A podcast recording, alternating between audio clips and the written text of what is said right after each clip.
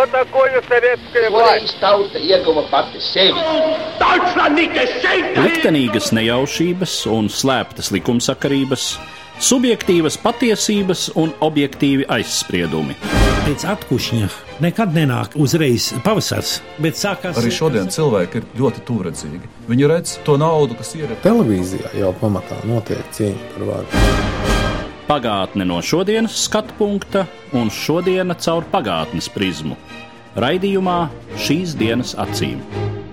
Latvijas radio eterā Eduards Liniņš. Labdien, cienījamie klausītāji!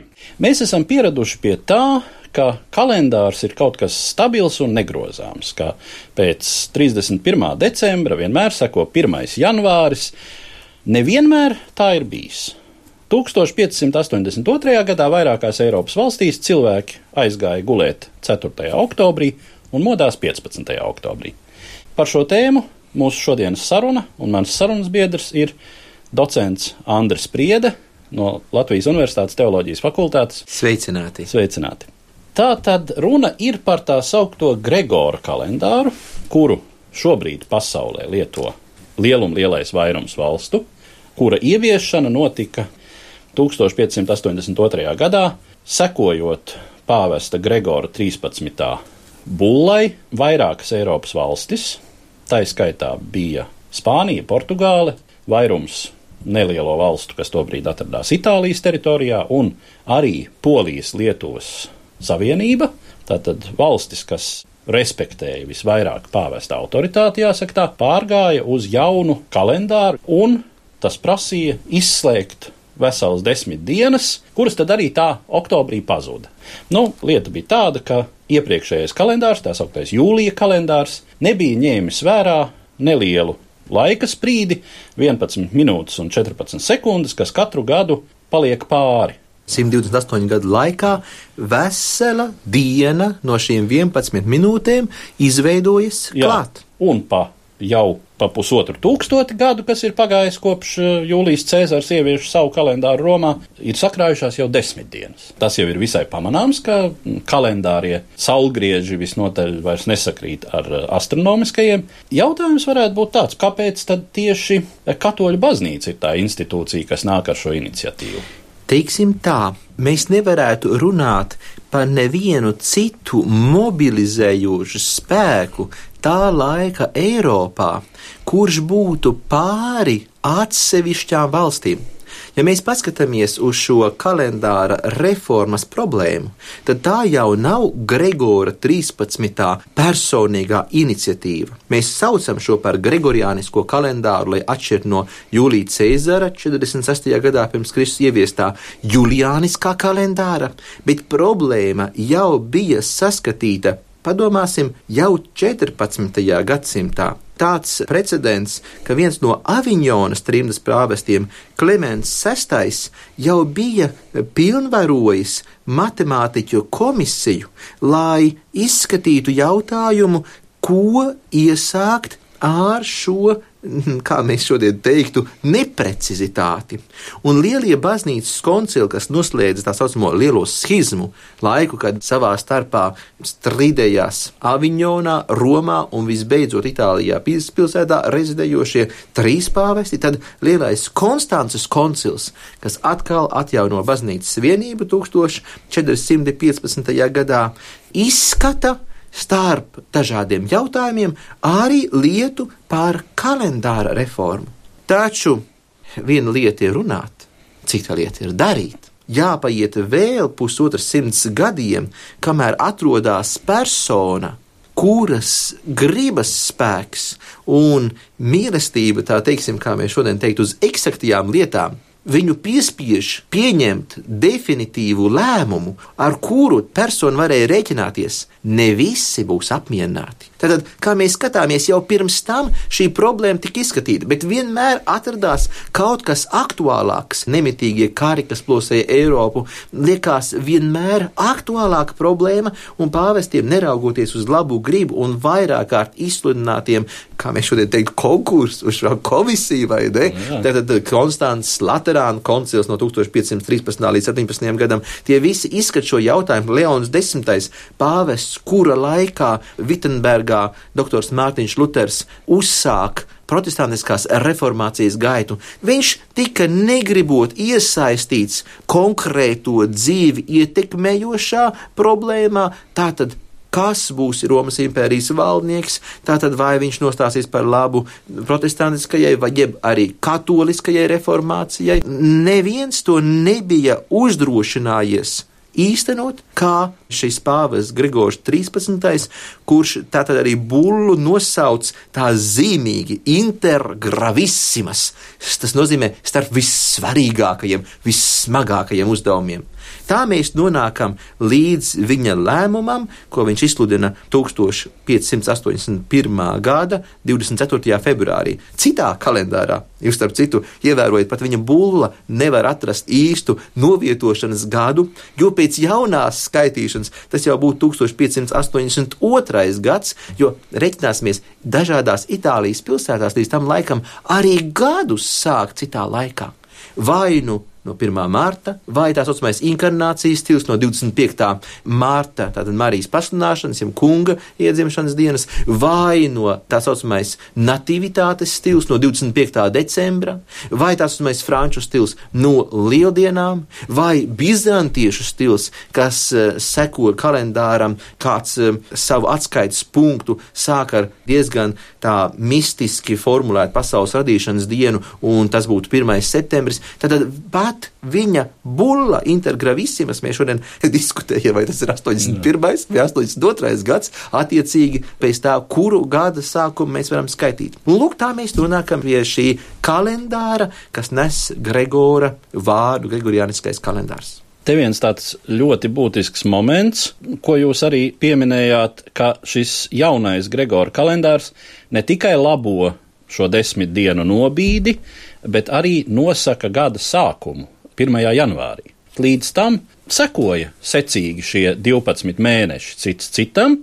bet nebija noteikts, ka gads iesāks ar janvāra mēnesi. Visās lielākās vai mazākās Eiropas valstiņās lēmums kad mēs sāksim gadu ar 1. janvāri, tiek ieviests pakāpeniski. Mūsu pašu Livonijā līdz 13. gadsimtam gadus skaitīja, tātad biskups Alberts vēl, kad dibināja Rīgu, viņš sāka gadus skaitīt tā atbilstoši tā saucamajai inkarnācijas ērai ar 25. martu. Un tikai 13. gadsimta beigu gadiem mēs sākām gadus skaitīt pēc dzimšanas. Un tā tad arī pēc šī 1581. gada mēs saskatām atsevišķas zemes, kurās varbūt vēl turpina gadu skaitīšanu, varbūt kā savu veidu tādu protestu pret eh, pāvestības institūciju, atbilstoši tradicionālajam veidam. Es vēl gribu uzsvērt dažus momentus tajā situācijā, par ko mēs runājam. Kā jūs ļoti pareizi teicāt, Katoļu baznīca tajā brīdī ir vienīgā autoritāte rietumu kristīgajā pasaulē, kas var šādu reformu realizēt vai inicijēt. Un arī no tā viedokļa, ka faktiski, kas mūsdienu cilvēkam varbūt uzreiz nav skaidrs un saprotams, ka katoļu baznīca jau veic ļoti daudzas funkcijas no tām, kuras šobrīd veids valsts vai citas sekulāras institūcijas. Pirmkārt, jau mēs zinām visu dzimtsarakstu kārtošanu dzimšanas, miršanas un laulības reģistrāciju. Toreiz tas ir tikai baznīcas ziņā.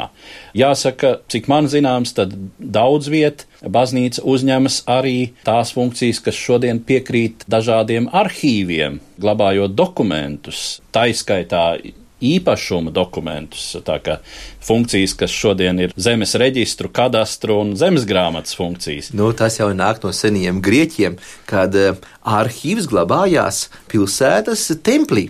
Tātad senajā grieķu kultā templis jau netiek lietots pašām kulta ceremonijām, tās notiek tempļa priekšā, bet pašā templī svētāks par svētu. Pilsētas arhīvs, kristietība nepiedzimst kādā tukšā vietā, viņi pārmanto vēsturisko kultūru vidi. Tur mēs pilnīgi varam piekrist. Runājot par vienkāršo cilvēku, par eh, zemnieku kaut kur Eiropā, un tas faktiski attiec vienlīdz uz mūsu senčiem šeit, Baltijā un Latvijā, tik labi, manuprāt, arī uz kādu tāla lauku ciemu iedzīvotāju kaut kur Francijā vai Britu salās, Ungārijā. Šie cilvēki jau joprojām dzīvo lielā mērā pēc tiem gadskārtu ritiem, kādiem viņi ir sekojuši gadu tūkstošiem.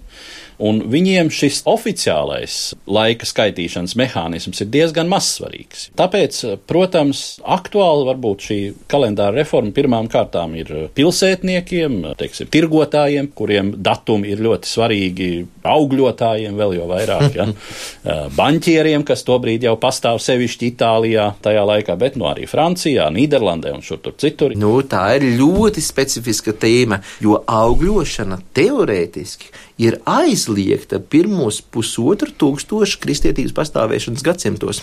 Un viena no tādām īpatnējām versijām, kāpēc mūsu, e, kā pāvests Jānis Pāvils saka, vecākie brāļi ebreju tauta ir talantīgi finansu struktūrās, ir saistīta ar tieši to, ka viņi, nebūdami kristieši, šajos pirmajos pusotru tūkstošu gados, vienīgie tad arī varēja aizdot. Jo aizdot ar procentiem kristiešiem pēc idejas ir aizliegts. Jā, bez šaubām, kad jūsu izvirzītā tēze par to, cik lielā mērā konkrētais lauku cilvēks bija saistīts ar to, kad mainās svētki. Tas pats par sevi ir viens no aktuālākajiem jautājumiem.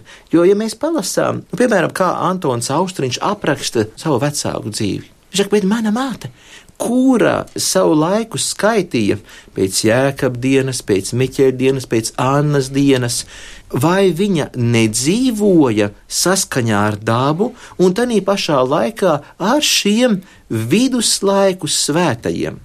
Šim vienkāršiem cilvēkam varbūt tas bija vēl aktuālāk nekā mēs runātu teiksim, par banķieriem vai lieltirgotājiem. Nu, skaidrs, tava parādu zīme, kad tev viņi ir jādod, nu, nu, tas ir aktuāli. Bet lielajām ļaužu masām lauku ciemos šie baznīcas svētki, pat tad, ja viņi vairs nav ar reformāciju, kā obligātie oficiālie baznīcas svētki, viņi vienmēr paliek kā atskaites punkts. Varu jums piekrist tajā ziņā, ka lauku cilvēku cipari viņam nav tie svarīgākie, datumi viņam nav tie svarīgākie, bet tēli, kuri sakņojas patiešām katoļu baznīcas svēto tēlos un vārdos Miķelis, Anna, Jēkabs, Juris, tie viņam ir nozīmīgi datumi, un tur nu notiek tā saplūsme starp kristīgās baznīcas, es atļaušos teikt, metaforām vai personāžiem un tiem priekšstatiem un tradīciju, kas nāk vēl no pirmskristīgajiem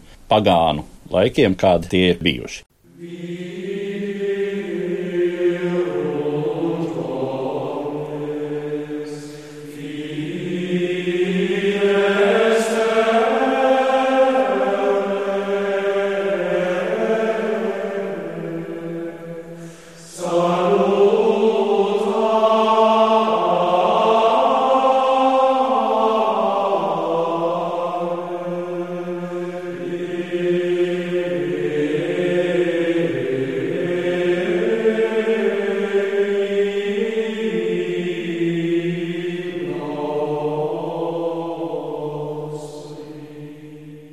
Runājot par to, kas tad notiek Eiropā, jāsaka varbūt arī tā, ja katoļu baznīca būtu tikusi pie šīs reformas ātrāk, teiksim, kādus simt gadus agrāk, Jā.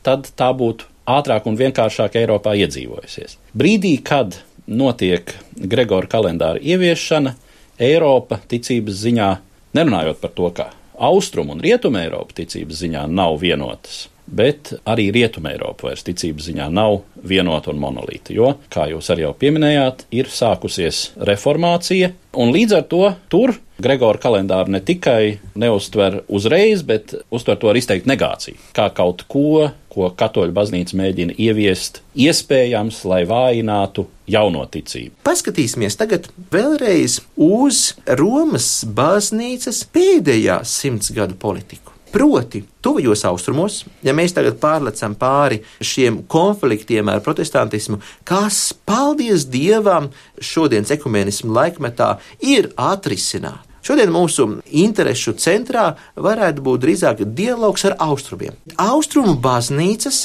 konsekventi vismaz liedienu skaitīšanā, ar vienīgo izņēmumu Somijas pareizsīgo baznīcu, saglabā juliānisko kalendāru. Ko darīt? Tiem latiņu rita katoļiem, kas dzīvo šajās austrumu zemēs, vai arī, teiksim, zemēs, kur visi kristieši, dažādu konfesiju kristieši ir mazākums. Tāda ir piemēram Sīrija, vai, vai Libāna, vai tā pati Svētā zeme. Risinājums ir tas, ka, ja nevar sagaidīt piekāpšanos, varbūt no pareizcīgo vairākuma, tad šī gadījumā Romas ticīgie ir tie, kas, lai nodrošināt vismaz vienā ciemā šo kristiešu vienotu skatījumu pret islāma laika skaitīšanas piekritēju vairākumu, tad tiek dispensēti latiņu rīta kristīgie svinēt lieldienas atkal pēc vecā stila šajā draudzīgā un brālīgā gaisotnē izskatītais jautājums par kalendāru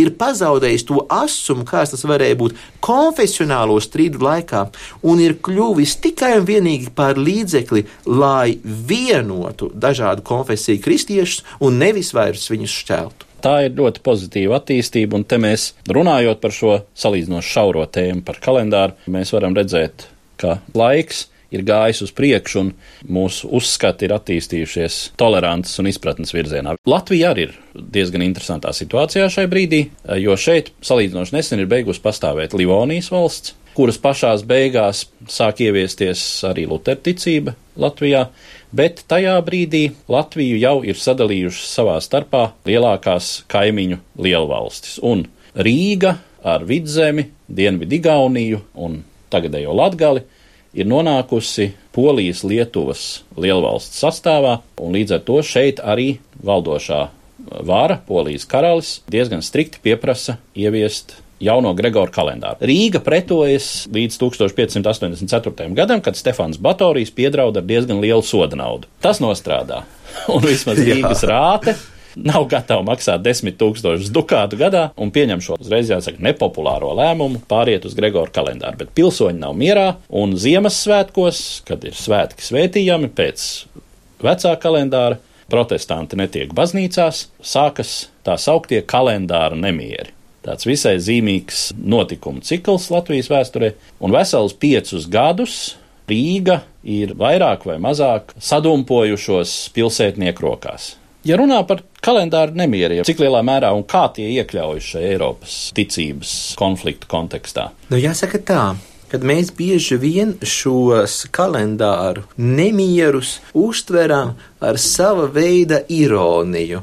Nu, ko nu sakām, nu Rīgas birģeļi, nu maksā tak soda naudu par desmit dienām neies. Un tad šo notikumu eh, ar visām tā negācijām lieliski apstrādā mūsu satīristi, piemēram, slavenais Rutku tēvs vai nē, kas Jā. par kalendāru nemieriem rada nemirstīgu ainu. Pēc profesora Henrika Stroda vērtējuma Rīgas kalendāra nemieri būtu vieni no tādiem spilgtākajiem šī procesa piemēriem Eiropas vēsturē. Es viņam tajā ziņā piekrītu, ka varbūt spilgtākais, ilgākais, piecus gadus Rīga tātad cieši zināmus finansiālus zaudējumus, tomēr pretojoties savam feudālajam kungam, Polijas Lietuvas karalim. Jā, jo un... karalis ir atsūtījis karaspēku, kas bloķē Rīgu no savas zemes. Lielāks zaudējums nekā, Jā. teiksim, samaksāt tos desmit tūkstošus un dzīvojiet savā mierā. Bet teiksim tā, ka arī pārējā Eiropā, arī tur, kur laicīgā vāra ātrāk vai vēlāk saprot, kad ir jāatrod visai sabiedrībai vienojošs kalendārs.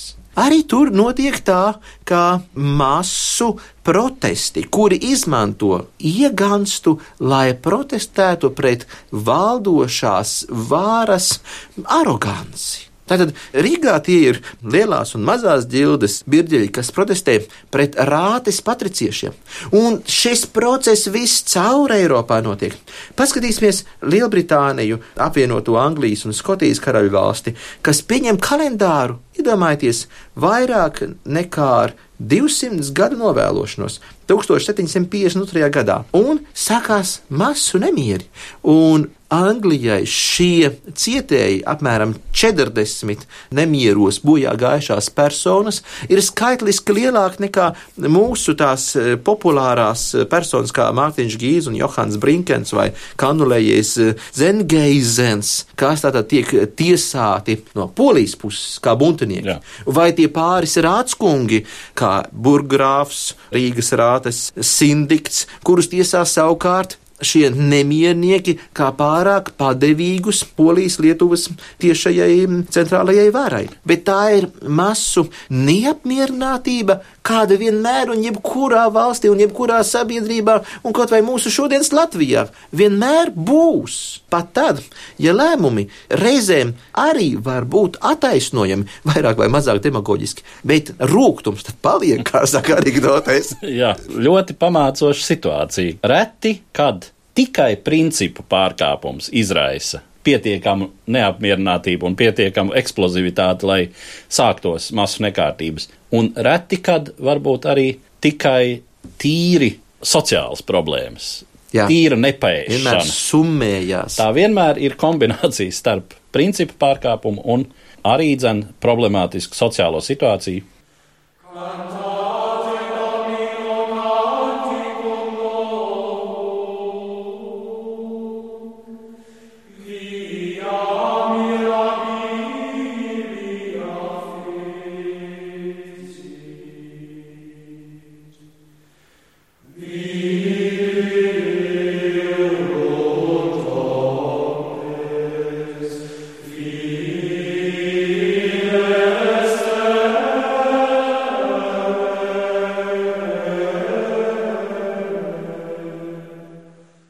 Es norādītu drīzāk uz trešo punktu - cilvēku neizglītotību un tumsonību. Nevelti tas pats Stefans Batorijs, ģeniāla persona Polijas Lietuvas tronī, piedāvā pirmām kārtām Rīgai būt par pilsētu, kura saņem šo lielo godu universitāti, pirmo universitāti Livonijā. Tad tādā pašā laikā Stefans Batorijs dibina viņas universitāti. Rīgas rādskungi un Rīgas sabiedrība kategoriski atsakās. Universitāte, izglītība, gaisma, tas taču radīs nemieru. Un tā tad Stefana Batorija laiks Jēzuītu kolēģija Tērbatā ir pirmie aizmetņi šodien Tērbats universitātei, kas arī svin savas pastāvēšanas jubileju. Bet pirmie aizmetņi ir pateicoties tam, kad Rīga noraida universitātes dibināšanas ieceri savā pilsētā. Un līdz ar to tātad reliģisks fanātisms, šī sociālā spriedze un neizglītotība. Tas viss noved pie šīs asins izliešanas un pie šiem ekonomiskajiem zaudējumiem, bez kuriem ļoti labi varēja arī iztikt. Un tad, kad parādīsies toties daudz represīvāka vara, Jo ievērosim, Polija, Lietuva, kura piecus gadus auklējās ar Rīgu, neuzbrūkot tiešā veidā šai pilsētai, viņa ir tā laika Eiropā varbūt vistolerantākā valsts. Jo polijas vājums, bet arī zināmā mērā šodien mēs teiktu spēks, ir viņas parlaments, kurš nonāks līdz tādam absurdam, pat ka viena šļaktas deputāta balss var nobloķēt lēmumu pieņemšanu. Un karalis, kā mēs ievērosim arī Latgales rekotalizācijas gaitā, nekad neizmanto piespiešanas, bet gan pārliecināšanas metodi. Bet Paskatīsimies, tātad arī kurzemē, kas ir vasaļu valsts, ieteikts, un kurzeme formāli piekrīt 1617. gadā pieņemt kalendāru.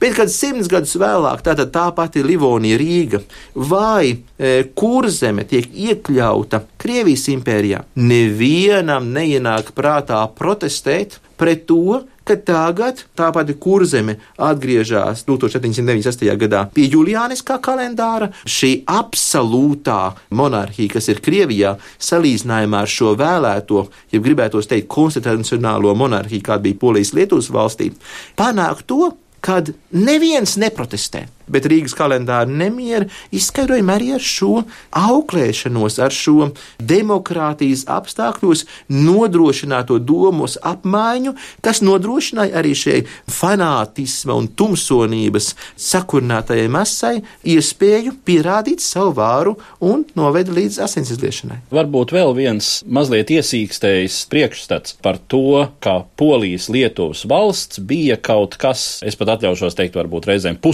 pusaziātisks, kaut kas tāds austrumnieciskāks, katrā ziņā austrumnieciskāks par labajiem gaišajiem zviedru laikiem, un uh, īsti neatbilst patiesībai. Jāsaka, starp citu, Stefans Batorijs, polijas karalis, ir visnotaļ reliģiskās lietās toleranta persona, katrā ziņā sava laika kontekstā.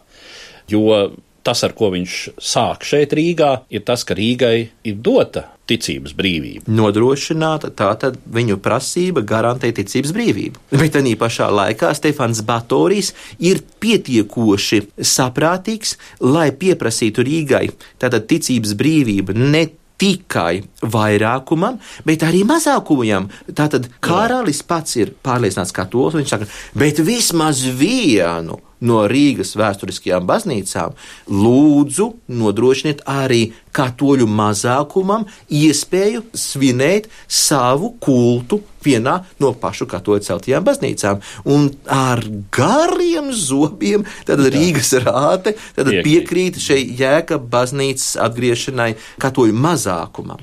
Tas karalis, kurš galu galā kalendāra nemierus Rīgā ir jau nākamais polijas karalis. Tas ir um, Sigismunds III. Sigismunds III no Vāzu dinastijas, un viņš ir arī ticības lietās striktāks nekā Stefans Batorijs, bet patiešām tā laika Eiropas kontekstā Polijas Lietuvas valsts, kuras varā nonāk Livonija, ir salīdzinoši demokrātiska, salīdzinoši arī apgaismota valsts. Runājot par kalendāru, Zviedrija tajā brīdī vēl dzīvo pēc jūlija kalendāra. Tā kā Vidzemē un Rīgā jūlija kalendārs atgriežas līdz ar Zviedriem, kā zināms, līdz ar Latvijas nonākšanu Krievijas sastāvā. Katoļu baznīca visnotaļ, protams, paliek pie Gregora kalendāra. Un šajā ziņā arī jāsaka, varbūt tāda maza nianse. Mēs alaži esam paraduši uztvert latgali kā kaut ko tādu, kas ir iepakaļ pārējai Latvijai. Nu, ir savi konkrēti iemesli, kāpēc tas tā ir, bet Dažā ziņā Latgale ir pārējai Latvijai bijusi arī priekšā, līdz ar lielo katoļu baznīcas ietekmi šajā reģionā, tajos laikos, kad pārējā Latvijā cilvēki visnotaļ dzīvo pēc jūlija kalendāra, tad Latgalē, kur dzīve ir cieši saistīta ar katoļu baznīcas ritu, tiek atgādināti šie Gregora kalendāra datumi viscaur 18. un 19. gadsimtā. Jā, nu tā ir tikai tāda amizanta piebilde. Iekļaujoties Krievijas impērijas sastāvā, Lutheriskajai baznīcai nebija problēmas. Kāpēc? Tāpēc, ka tā pati Zviedrija, līdzšinējais Livonijas un Rīgas feudālais kungs, viņi paši tikai vēl pēc Anglijas 1753. gadā pieņem jauno kalendāru. Tā tad 1710. gads Rīgas ieņemšana, 1721. gads, kad šis fakts tiek sankcionēts ar Nīštats miera līgumu, bez šaubām sastop priekšā vietējo Lutrisko baznīcu, kurai nav pretenzijas pret Krieviju. Citādāk ir ar kurzemi, kura kā pēdējā pēc trešās pēdējās polijas Lietuvas valsts dalīšanas nonāk Krievijas sastāvā un kur tiešām ir jāmaina kalendārs, kāds notiek 1796. gadā. Tātad eh, mūsu dzimtene šī gadījumā ir piedzīvojusi unikālu likteni no katolicisma uz protestantismu, no protestantisma uz ortodokso laika skaitīšanu, un tā varētu būt zināmā mērā ne tikai mēs šodien teikt kaut kāds trūkums, bet tā varētu būt arī zināmā mērā sava veida dāvana. Kad mums šodien šī visa vēsturiskā mantojuma dēļ būtu jāprot pasmaidīt un vienam otru labāk saprast un cienīt. Kaut vai manā pašā ģimenē, ja mani vecāki bieži vien dzimšanas dienas teica, bet vai būs skaitīsim pēc vecā, vai tagad būs vecie Ziemassvētki, no nu, tiem vismaz būs sniedziņš. Un vēl šovasar mēs tā pārunājām, nu, rabarbēršu līdz kuram laikam varēs. Tā tradīcija, ka līdz jāņem. Bet man mamma saka, bet Taču vecie Jāņi vēl kur ir, ēdīsim visu jūniju mēnesi vai ne. Tradīcijā taču mēs varam skaitīt veco kalendāru, pēc vecajiem Jāņiem vēl uz priekšu. Tas ir mūsu zemē, jo mūsu dzimtenē zināms plus, ko mēs esam piedzīvojuši, mainoties šīm dažādām varām, bet mācot no tā arī kaut ko labu, prasmi izprast un novērtēt, kas var būt interesants tava tuvākā pretējās kopienas, kaut vai tīri amizantajā kalendāriskajā tradīcijā. Jā, ar šo visnotaļ pozitīvi tonēto pasāžu es arī gribētu beigt mūsu šodienas sarunu un pateicos savam sarunbiedram, docentam Andrim Priedem. Paldies! Par pagātni sarunājas Eduards Līniju.